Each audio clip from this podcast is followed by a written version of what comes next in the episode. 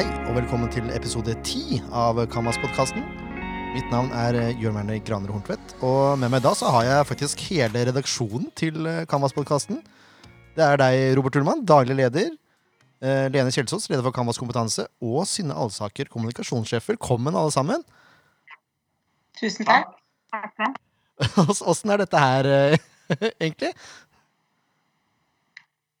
Jeg synes det Foreløpig så ser det jo bra ut. fordi Vi har jo, vært, vi har jo vent oss til å prate til en skjerm, mens man dessverre sitter og ser på seg selv hele tiden. Jeg ser jo de andre også, men av en eller annen grunn så er sitt eget bilde en sånn irriterende magnet. på skjermen min. Ja, Vi spiller inn fra Teams i dag. Det er jo det er jo sånn det er om dagen. holdt jeg på å si. Det er sånn møtene foregår.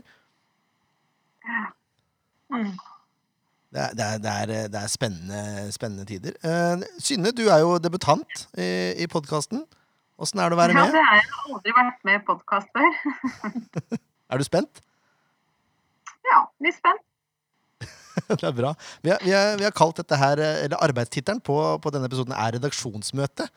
Så det er vel strengt talt uh, det det er. Vi skal prate litt om podkasten og litt om uh, hvordan det er om dagen, sånn generelt. Som vi pleier. Eh, hva, hva har vi fått ut av dette formatet podkast som et middel for kunnskapsdeling til nå, da? Spør du, spør du Lene, spør du meg? Jeg tenker at dere kan gripe ordet, den som, er, den som brenner inne med noe. Ja, det gir oss muligheten til å dele godt arbeid da, som skjer ute i barnehagene. Eh, og gir oss muligheten til å la historiene vandre videre. Eh, det tenker jeg er eh, veldig viktig. Det er så mye bra med kunnskap og med erfaringer der ute som, som jeg syns podkasten virkelig har gitt muligheter. Da. Og så blir det muligheter for å bli kjent med barnehagene på en eh, litt annen måte enn vi vanligvis gjør. Eh, Så selv om vi i utgangspunktet visste noe om de prosjektene f.eks. som eh, vi har hatt med i de ulike episodene, så har vi jo definitivt lært enda mer om de prosjektene enn hva vi kanskje visste på forhånd. Um, Så det gir oss en mulighet til å benytte oss av den kompetansen videre fremover. um, Både kanskje via nye prosjekter, eh, via Canvas kompetansebank. Altså at det er på en måte ressurspersoner som kan benyttes til personalmøter og ja, eh, i, eh, i ulike sammenhenger da, innad i Canvas. Så jeg tenker jo at eh, det her har vært eh, en spennende mulighet. Jeg er jo enig i det med altså Det er uten tvil en fin form å dele kunnskap på. Eh, og så syns jeg jo den variasjonen vi får nå gjennom at vi har en muntlig, muntlig versjon uh, i kunnskapsdelingen vår, uh, som, som fins, og den fins lagret, og den kan, den kan deles eh, på lenker. Mm. Eh, altså den fleksibiliteten da, som gjør at du har noe på øret som faktisk løsriver deg litt fra hvor du tilegner deg kunnskap, eller hvor du hører en historie, det, den syns jeg har vært veldig forfriskende. Jeg er veldig tilhenger av den muntlige delen også, fremfor skrift og film. Så syns jeg Mm. dette har vært en innmari gøyal, kul variasjon. Mm, jeg er helt enig i det. Og du får sagt så mye muntlig. Så man får fram så mye mer. Ja, jeg, jeg må si jeg har lært utrolig mye av å være programleder også. Eh, Jeg har jo hørt om mange prosjekter fra før, men det blir liksom et litt dypere dykk da, når du må forberede episoder og sitter og hører på eh, vedkommende som har veldig mye kunnskap om det de prater om. Eh, Det endte jo med at jeg hadde et innlegg faktisk på vår planleggelse om grenseobjekter etter å ha hatt den podkasten. Så ja, det har vært veldig lærerikt for meg også. Jeg må bare si det. Hvilket grenseobjekt uh, har dere tenkt å velge, da? Vi skal ha historien om de tre små griser. Nettopp. Ja, og vi har allerede begynt, uh, begynt å forberede de barna som allerede er på avdelingen lite grann. Lekt uh, ulv og blåst bort Mm. grasstrå og pinner og stein er litt verre å blåse bort. Det, det er sant, det, altså. Jeg blir mengdelære med en gang, ja. Det er kult. Ja, det er kjempegøy. Ja. Men uh, vi er jo i såkalte disse koronatider. Uh, hvordan er ståa for oss i barnehage om dagen, egentlig? Hvordan, hvordan har denne tiden vært både for administrasjon og, og kanskje i barnehagene? mm Mhm. Du er, du er sikkert god til å svare på det selv, ettersom du står midt oppi det, Jørn. Så eh, det er, jo, det er jo ulike retninger å ta i forhold til det vi sier nå. Men vi har jo åpnet opp etter å ha vært stengt, og det har vært spennende. Og så har det vært med en ganske begrenset form for tilgang til barnehagen og med sterk grad av smittevern, som gradvis har blitt løst opp. Så eh, nå driver vi og øver oss på det gule gule, smitte, eller gule trafikklyset i forhold til smittevernreglementet. da. Mm. Jeg, jeg har inntrykk av at det går bra, men jeg, jeg tenker man hører liksom eh, ofte kanskje mer av de gode historiene enn de som er utfordrende. Ja, det vil jeg tro. Det er jo første gang da, at eh, barnehager i Norge har eh, opplevd en faktisk bemanningsnorm. Eh, og det vet jeg i hvert fall at når jeg har vært ute i noen av barnehagene våre denne tiden, så er jo det det er jo en opplevelse mange snakker om, eh, og som gjør inntrykk og også litt til ettertanke. ikke sant? Hvordan er det å få lov til å være til stede for barna hvert minutt du er på jobb, eh, som ikke er reelt ellers. Og det, det tenker jeg nok kanskje er noe som kommer til å sitte i ganske lenge, da, den opplevelsen der. Eh, og eh, kanskje den derre verdien av å få lov til å jobbe i mindre grupper og tettere på barn, den, den syns jeg også at jeg hører igjen, da. Eh, flere av de stedene jeg har vært, i hvert fall. Og at de opplever at de har hatt et tettere samspill med barn. Altså rett og slett at barn har fått lov til å medvirke litt mer inn i sin egen hverdag. Dette er jo ting som, som jeg tenker jeg blir også veldig glad over å høre. For vi vil jo, vi vil jo ha barnehager som eh, er til barns beste. Så det, er, det har vært spennende tider også. Eh, og jeg tror i hvert fall en del gode opplevelser knytta til akkurat det her, da. Mm. Jeg, jeg, jeg er enig i så det. er det jo ja. Samtidig så er det jo veldig stor forskjell på barnehagene våre og hvordan de opplever denne perioden. da. Mens noen syns de har eh, bedre dager enn noen gang, så er det andre som syns det er eh, tungt. Og det er ulike årsaker til det. Det kan være eh, at de har mange barn som må ha fulle dager i barnehagen, eller det kan være lokalene som ikke er helt egnet, eller det kan være sykdom, eller hva som helst. Så det er det er også noe vi hele tiden må ha i bakhodet. At uh, situasjonen er ikke lik for alle. Uh, og det må være rom for uh, individuelle tilpasninger. Mm. Og ulike krav fra ulike kommuner og ja, ulike familier eller ulike foreldregrupper og ja, i det hele tatt. Så det er, det er store forskjeller, det er det. Ja. Jeg. Jeg syns egentlig det er litt dumt at, den, at det er en veileder. Det burde egentlig vært for meg litt klarere ting som man skal, skal gjennomføre, på en måte. Fordi ulike barnehager kan jo operere ulikt, som dere sier. Og det, ja, foreldre kan reagere på det. da, At den barnehagen tilbyr det, mens denne barnehagen tilbyr ikke det. Ja.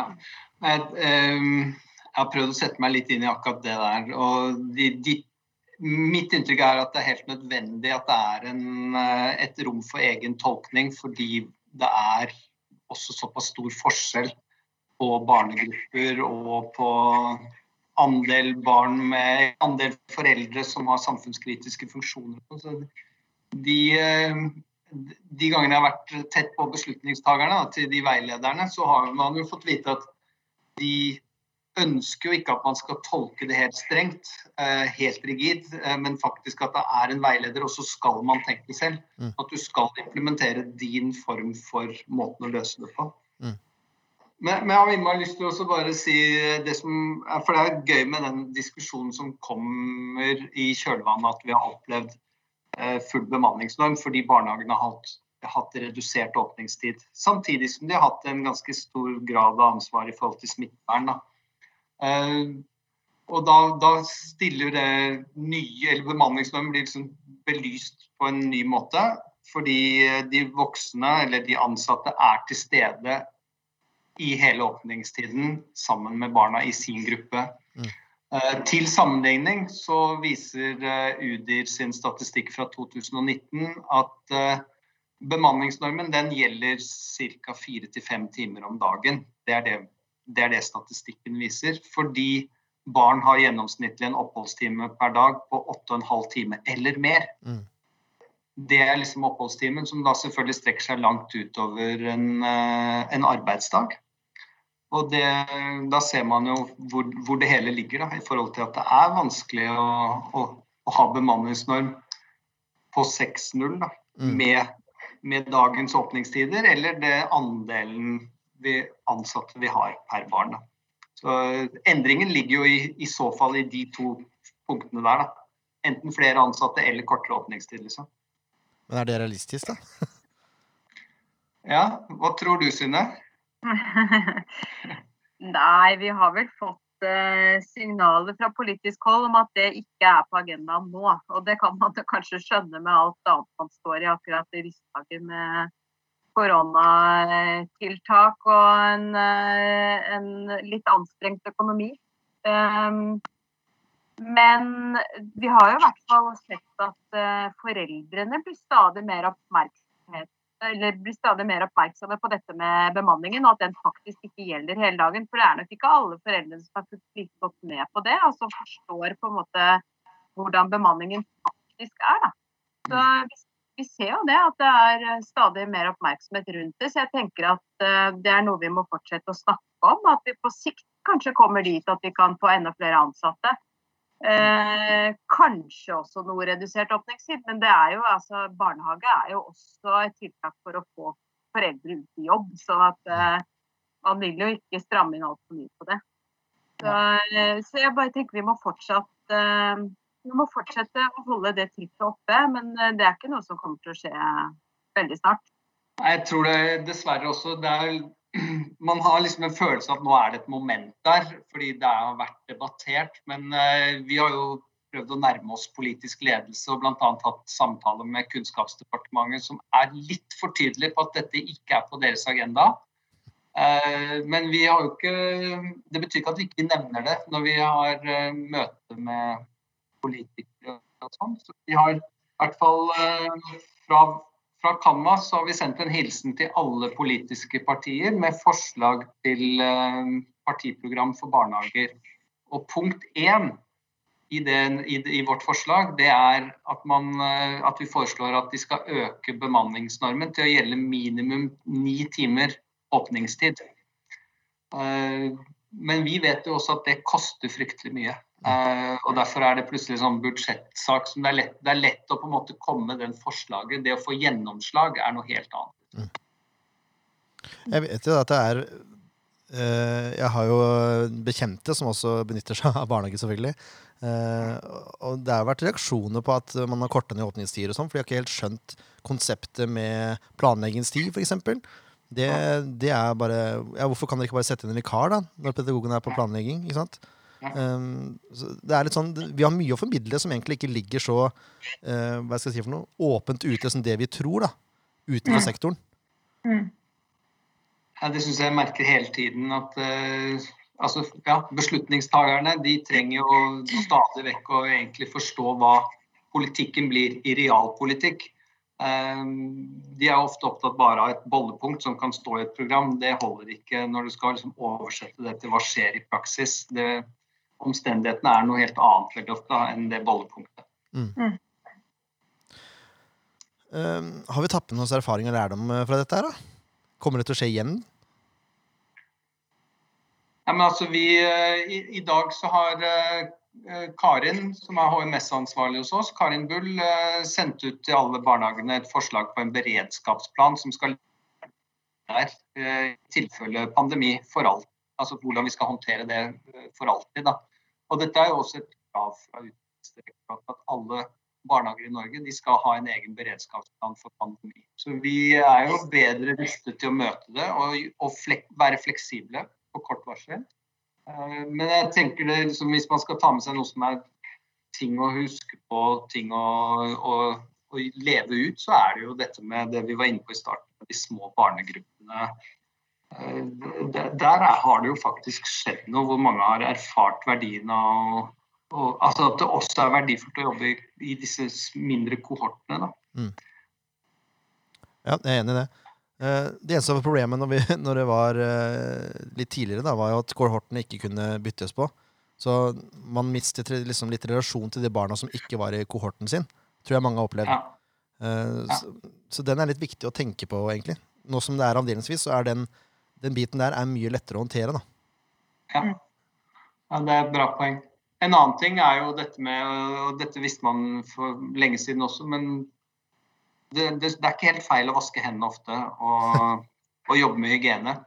Så jeg tenker Siden det største effektivitetsbarrieren som finnes i barnehagesektoren, er fravær, så, så, er dette her også kanskje en lærdom som gjør at hvis vi klarer å opprettholde mye av de hygienerutinene vi har nå innført, så kanskje vi kan ha et mye høyere nærvær øh, over tid. Mm. Det er jo en, en, kjempe, en, kjempesak å ta med seg videre. Da. Det er kjempegevinst. Ja. Mm. Ja, Canvas, Canvas totalt bruker ca. 25 millioner kroner i året på vikarer. Ja, Og det kunne gått til andre ting? Det kunne brukt til andre, andre, ting, ikke sant. Ja, Har vi noe mer å tillegge rundt, rundt, situasjonen vi er i nå? Du kan jo sende et forslag til Synne og meg på hva vi skal ta med oss når vi møter kunnskapsministeren eh, på tirsdag om en uke. Altså, da, da, har vi et møte med kunnskapsministeren og sammen med styret i Canvas. Hva ønsker du at vi skal si til henne da? Nei, Bemanningsnormen er jo uten tvil det første jeg ville ha nevnt. Eh, at, de, at, man kanskje kan se verdien av den. da. At det er, det er ikke bare tall, liksom, det er reelle ting. Det er, det er mennesker jeg prater om her. Det, tror jeg, det, tror jeg, faktisk er det viktigste. Mm. Og ikke minst se uh, viktigheten av det arbeidet vi gjør. Ja. Det håper jeg at kunst, kunnskapsministeren gjør, da. Men uh, ja. Det tror jeg hun gjør. Hun er jo, hun er jo småbarnsforeldre selv. Men uh, vi tar det med oss, vi. Nydelig. Det er jo bare til å komme med innspill, da, Robert, hvis det er andre som lytter nå som uh, rekker å sende inn før den 30. juni. ja, vi kjører åpen post frem til 30. juni. Nydelig. Uh, skal, det, dette er jo et redaksjonsmøte, så vi må litt innom, innom sjølve podkasten også. Mm. Vi sitter jo med noen lyttertall. Og det er tydelig, Robert, at folk er mest interessert i deg også. Jeg tror jeg hadde kjempeflaks. Jeg tenker at eh, jeg fikk lov til å være med på den første. Da var det nyhetens interesse. Det var det ene. Og det andre er at folk, altså folk våre kollegaer, de hadde ikke barn rundt seg i de dagene som vi lanserte den podkasten. Så det er jo det beste øyeblikket. Altså, det er liksom hold barn unna og si lytt til, til en nyhet. Da får du oppmerksomhet og høye lyttetall. Så det er trikset fremover? Er det sånn vi skal promotere? Eh, nei, men hvis den med deg, Robert, og også den med deg, Lene, uh, mm. er, er, populære. Og også IKT med barn har vært, har vært spennende å, å, lytte til. Mm. Eh, og bokprosjektet i Krokoskogen. Mm. Der hadde vi litt tekniske problemer, så jeg beklager for lydkvaliteten på akkurat den episoden. Eh, det tok jeg lærdom av. det skal ikke skje. Mm. Så har jeg sagt det også. Men er det noen episoder dere husker best? Altså, først vil jeg jo si at alle, alle episodene har vært bra på sin, sine måter. Eh, så jeg vil jo først si igjen tusen takk til de som har stilt opp på alle episodene. Mm. Det syns jeg er kjempeviktig. Eh, og noen eh, hoppa litt i det med, med, og var veldig spente også, ikke sant. Så vi må jo ta med oss det. Folk har vært veldig sporty og, og, og turt å kaste seg uti det. Veldig, veldig bra. Så jeg har lyst til å si at det er eh, Nå må jeg bare se på en jukselapp her, for vi hadde fire episoder episode 3, 6, 7, 8 Alle de episodene var uh, type prosjekter fra barnehagene. Og der hadde vi bl.a. med bokprosjektet i eh, Krokenskogen, bl.a. lek fra Torbråten og uh, bærekraftig utvikling fra Den blå appelsin. Hvem er den siste jeg ikke nevnte da? Sa du grenseobjekter? Ja. I grenseobjekter, det er helt riktig. Og alle de fire er jo sånne gode eksempler på eh, hvordan barnehagene faktisk viser frem hvordan de jobber for å være en lærende organisasjon. Og det syns jo jeg er veldig hyggelig eh, å se. Det er prosjekter hvor alle har vært eh, involvert, det har vært satt klare målsettinger, det har vært jobbet strukturert og godt over tid. Eh, prioritert arbeidet. Eh, så, så det syns jeg liksom er fellesnevneren, og en bra fellesnevner for de. Og så nevnte jo du IKT, Jørn. Mm.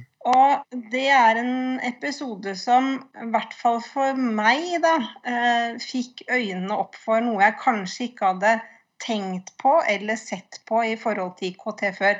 Det kan ha med at det er såpass mange år siden jeg jobba som barnehagelærer selv, og da brukte vi ikke IKT på den måten. Eh, så der har jeg nok ikke helt fått med meg alt det som har skjedd. Eh, jeg har nok ikke vært helt med i timen der. Eh, men den, den, gjorde inntrykk Ikke at du ikke var med i timen, du har bare blitt litt eldre? Jeg har bare blitt litt eldre. Nei, men det der eksempelet som Katrine bruker i forhold til eh, det møtet mellom det allmennpedagogiske og det spesialpedagogiske, det må jeg si jeg likte veldig godt. Og det, det har etterlatt seg eh, den historien da, om det barnet som plutselig kunne gå fra å tegne kruseduller til hodefotinger pga. at man kunne bruke iPaden, det, det, er en sånn, det er en sånn varm, god historie eh, fordi det gagner det barnet som har de utfordringene. Eh, så eh, det også syns jeg var et godt øyeblikk, da. Ja. Så fint. Dere andre to, da?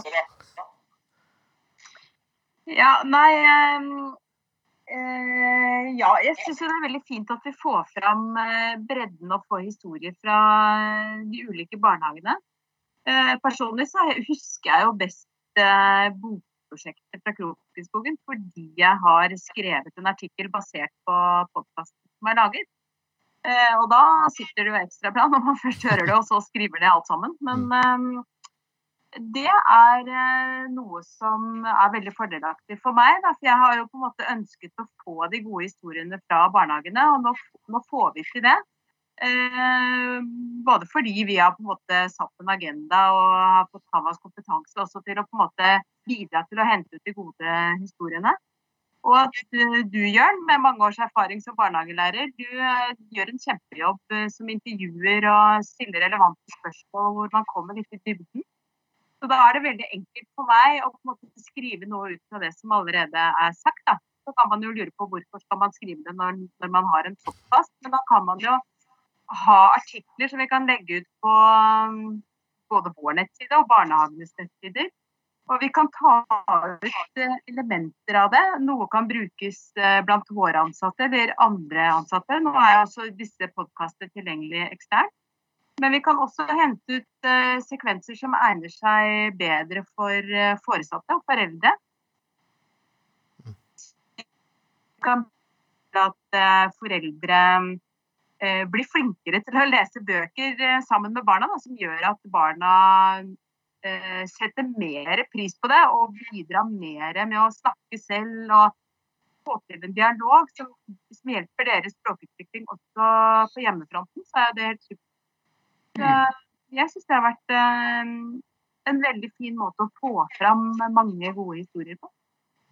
Den, den eh, lese, lesehistorien du skrev, Synne, den, eh, den artikkelen, den, den, har jeg sendt videre til en forsker som heter Ingunn Størksen, som vi, vi, er med i en søknad på et forskningsprosjekt. Hun er leder for noe som heter Læringsmiljøsenteret på Universitetet i Stavanger.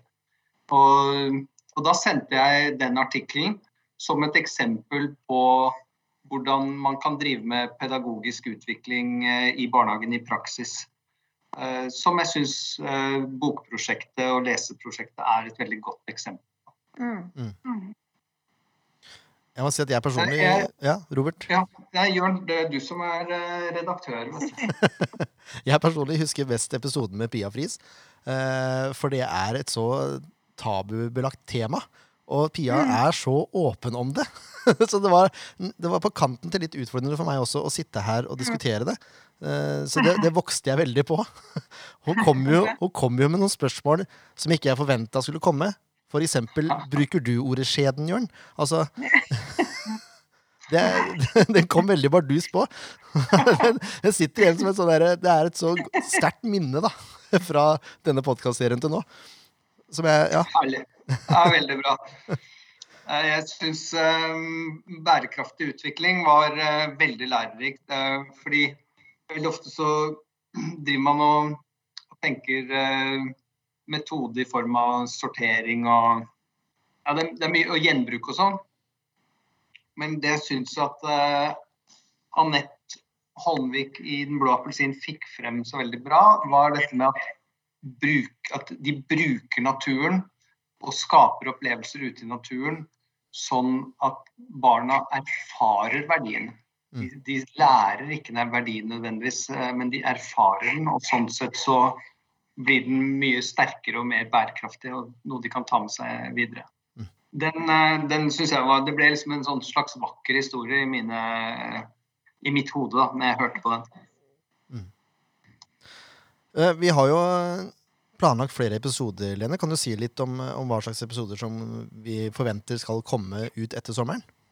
Mm, definitivt eh, noe som har med friluft, eh, natur og utegrupper å gjøre, i hvert fall.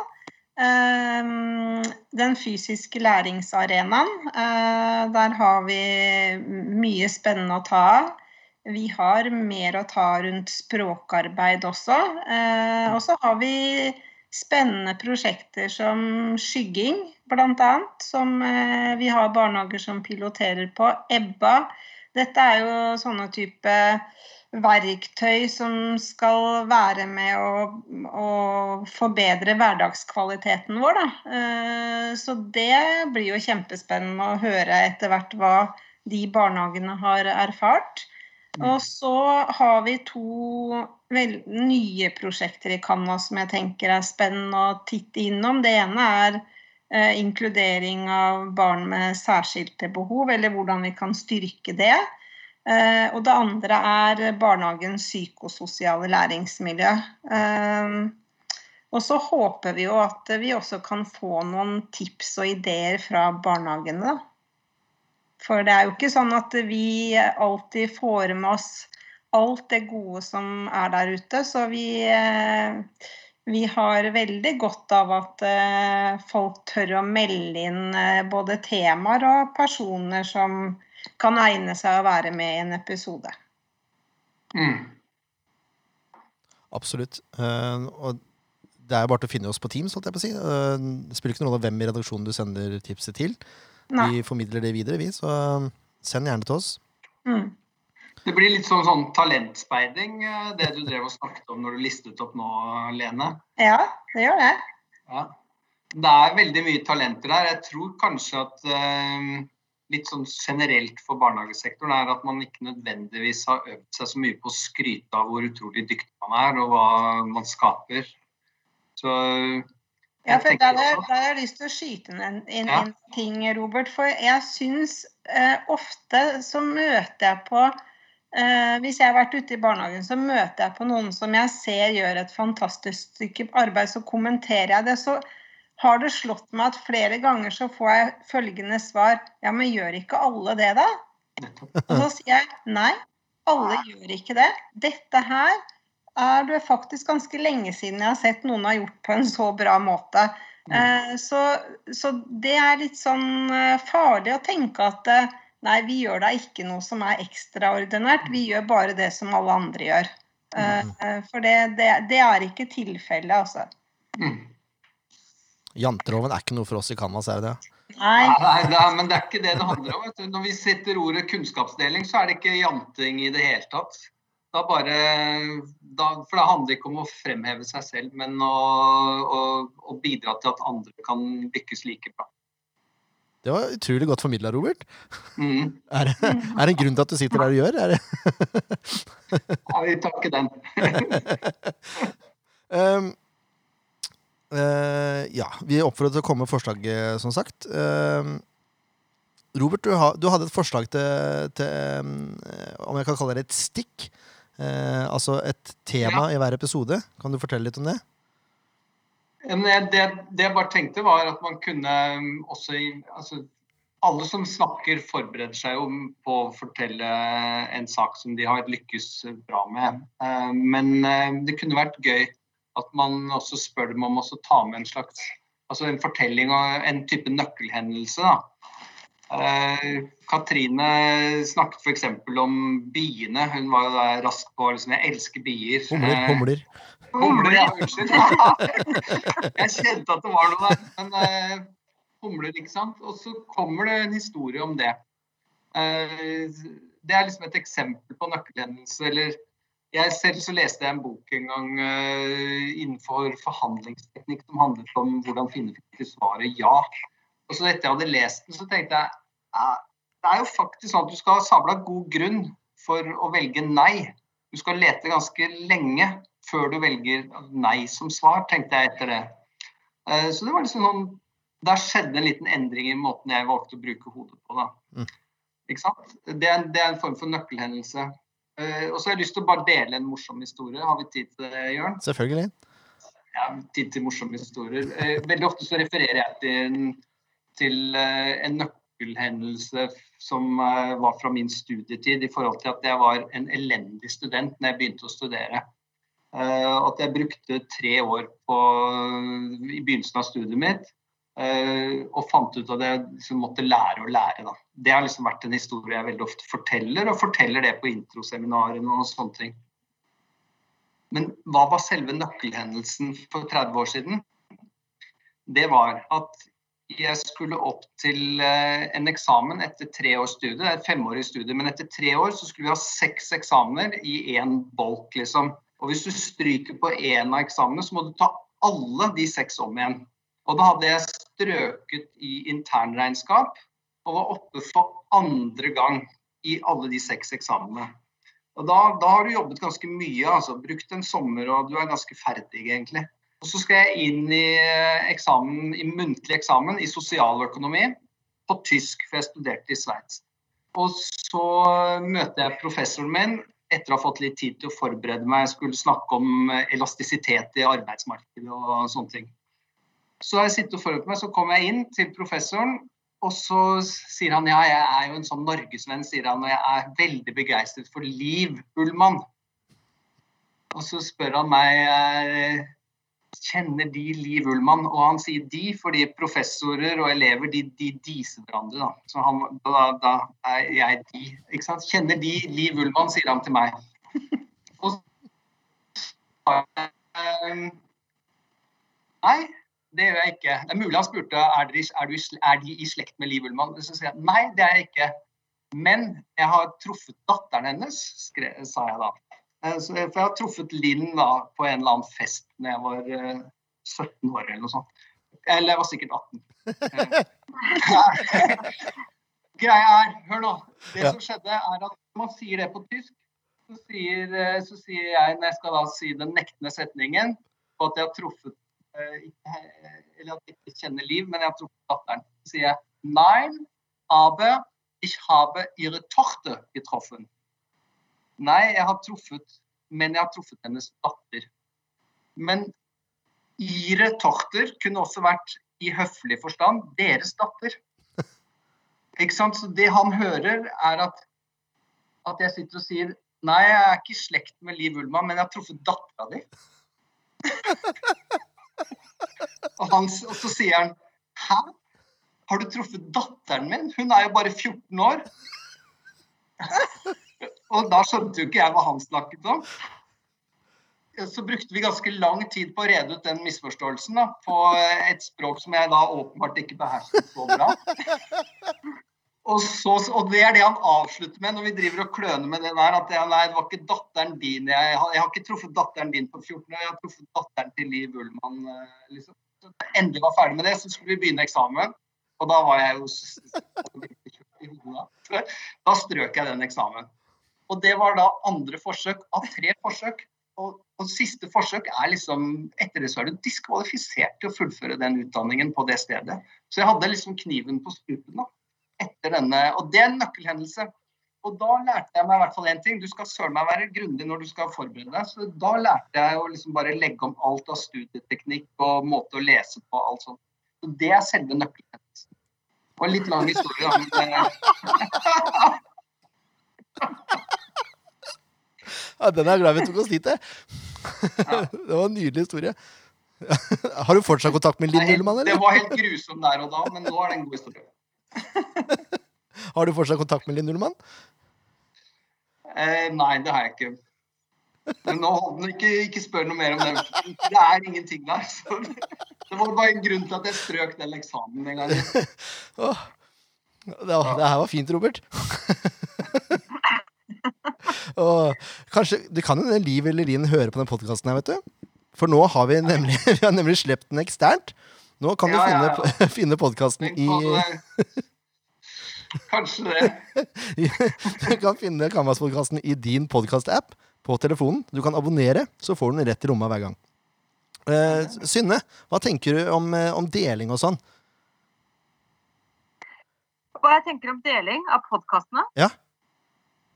Eh, ja, jeg, vi har jo blitt enige om å dele de eksternt, eller gjøre de tilgjengelige eksternt. Ja.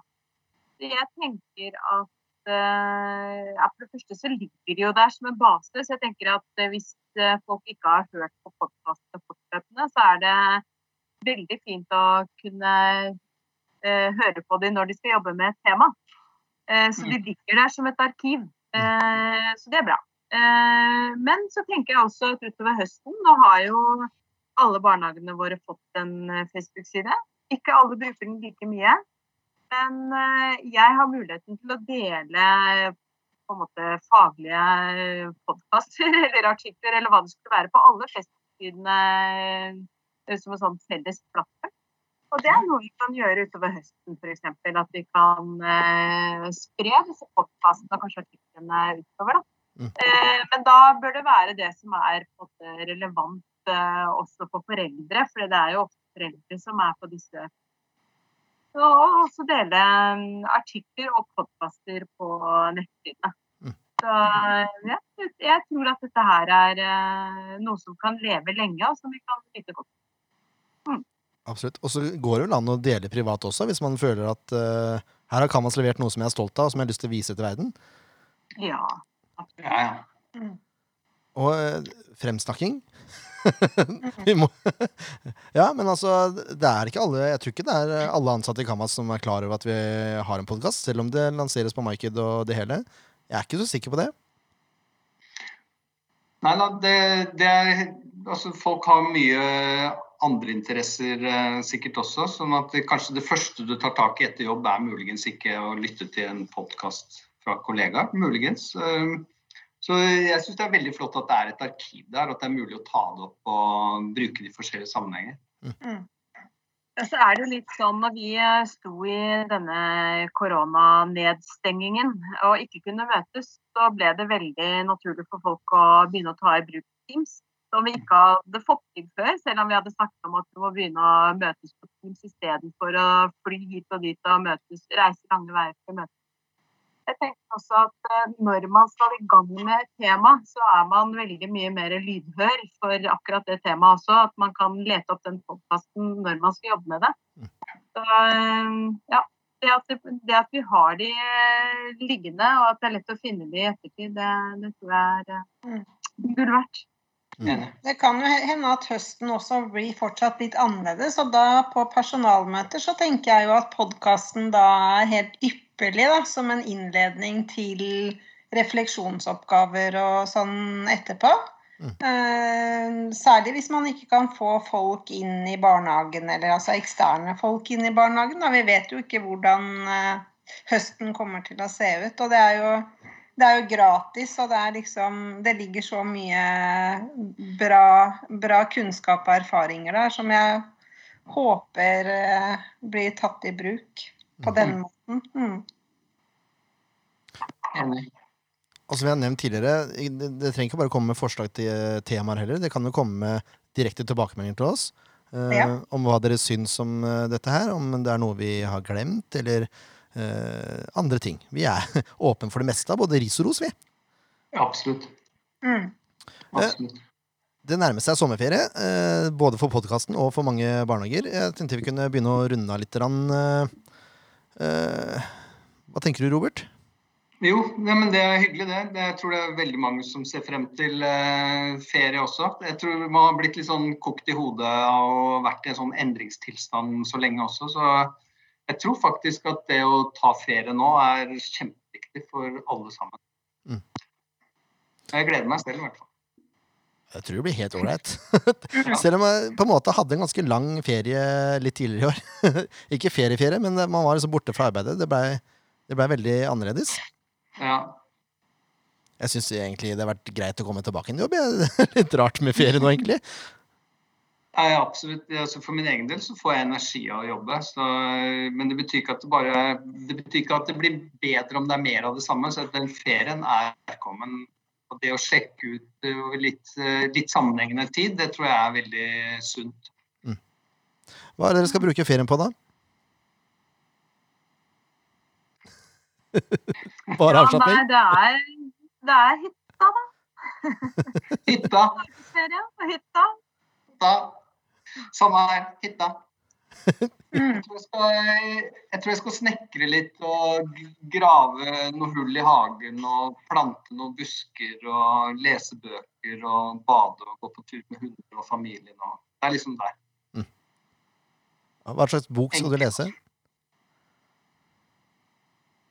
I dag så har jeg bestemt meg for at jeg ikke skal lese ferdig den boken jeg leser nå, fordi den handler om sykdom, og den er på 500 sider. Så jeg har ikke så lyst til å ta med den sykdommen inn i ferien og så liksom grafse det i tre uker, liksom. Så, så jeg, jeg må finne en annen bok.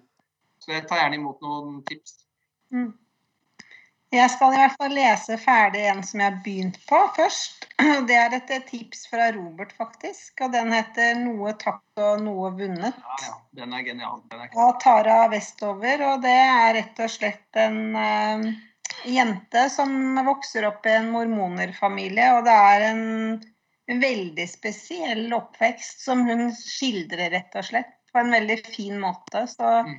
jeg gleder meg til å lese fortsettelsen av den boka. Mm, Den er veldig bra så langt, i hvert fall. kult. Har du noen tips, Synne? Nei, jeg, kommer helt sikkert til å lese en bok eller to, men jeg har ikke noe, eh, jeg har ikke noe konkret roman som jeg vet jeg skal lese nå. Men eh, jeg skal uh, hjelpe uh, båtførerprøve. Oi, oi, oi! Jeg meldte opp til eksamen i juli, så jeg tror de trenger et lite push for å komme i gang. Så da må jeg også lese litt. Mm. Et, et, er du skipper da? Er, er, har du båtførerbevis? Ja, du har. Nei, jeg har ikke det. Jeg trenger det vel strengt tatt ikke heller, tror jeg. Eh, Men jeg er ikke oppvokst ved sjøen, så det er mannen min kjører båt. Og eh, nå, ja, så nå skal liksom gutta også være i stand til det, da. Kjøre litt større båt enn det de har gjort før. Nettopp. Og du Jørn, hva, hva er planene for deg? Du, jeg skal friske opp litt eh, pedagogisk. Jeg skal lese Lyttende pedagogikk en gang til, for n-te gang. Bare sånn for å? Ja, det er en bok av Ann Aaberg og Hillevi Lenstad-Gucci. Eh, det til Ann Aaberg syns jeg er mest relevant. Det til Hillevi Lenstad-Gucci syns jeg blir veldig tørt, men eh, det, binder liksom ting sammen, da. Men eh, det er eh, Det handler rett og slett om Å, herre min, nå står jeg helt stille her. det handler om Regimila-pedagogikken, da, som vi jobber med i, eh, i barnehagen vår. Mm. Så jeg har lyst til å friske opp det litt. grann. Nå som vi får ny daglig leder, og sånn, da er det greit å være forberedt. Ja, ja. Foran i skotuppen og bare Ja, men det er så spennende. Det, det, det, hørtes jo egentlig Det er jo gøy at du, at du, opplever at det er forfriskende å lese litteratur også når du har ferie. Jo da, og så skal jeg spe på litt med en bok, eller boka til Bernt Hulsker som heter Alt fra hulken. Som egentlig er garderobehistorier fra fotballverden. Så det, da får man letta litt på hjernen igjen, og så kan man gå og dypdykke litt senere etter det. Herlig. Herlig. Jeg har, jeg har gitt uh, min svenske hustru, eller kone heter det sikkert egentlig, uh, en bok, en diktsamling av Karin Boje. Uh, også fordi jeg har lyst til at hun skal lese litt svensk høyt. Så jeg, jeg, håper jo på å høre litt svensk poesi. Det, Karin Boje var hun som skrev uh, 'Jeg visste jo rundt knoppar brist'. Så hun har skrevet masse flotte dikt. Fantastisk. Mm. Skal, vi, skal, vi, skal, vi, ta sommeren der, eller? Ja. God sommer, da. Takk i like måte. Riktig god sommer. Og takk til, takk til, alle som har lyttet på. Vi er tilbake igjen uh, i august måned, vil jeg tro. Når nytt barnehageår starter. Så det er bare til å følge med. Vi, vi høres. Gjør vi. vi høres. God sommer.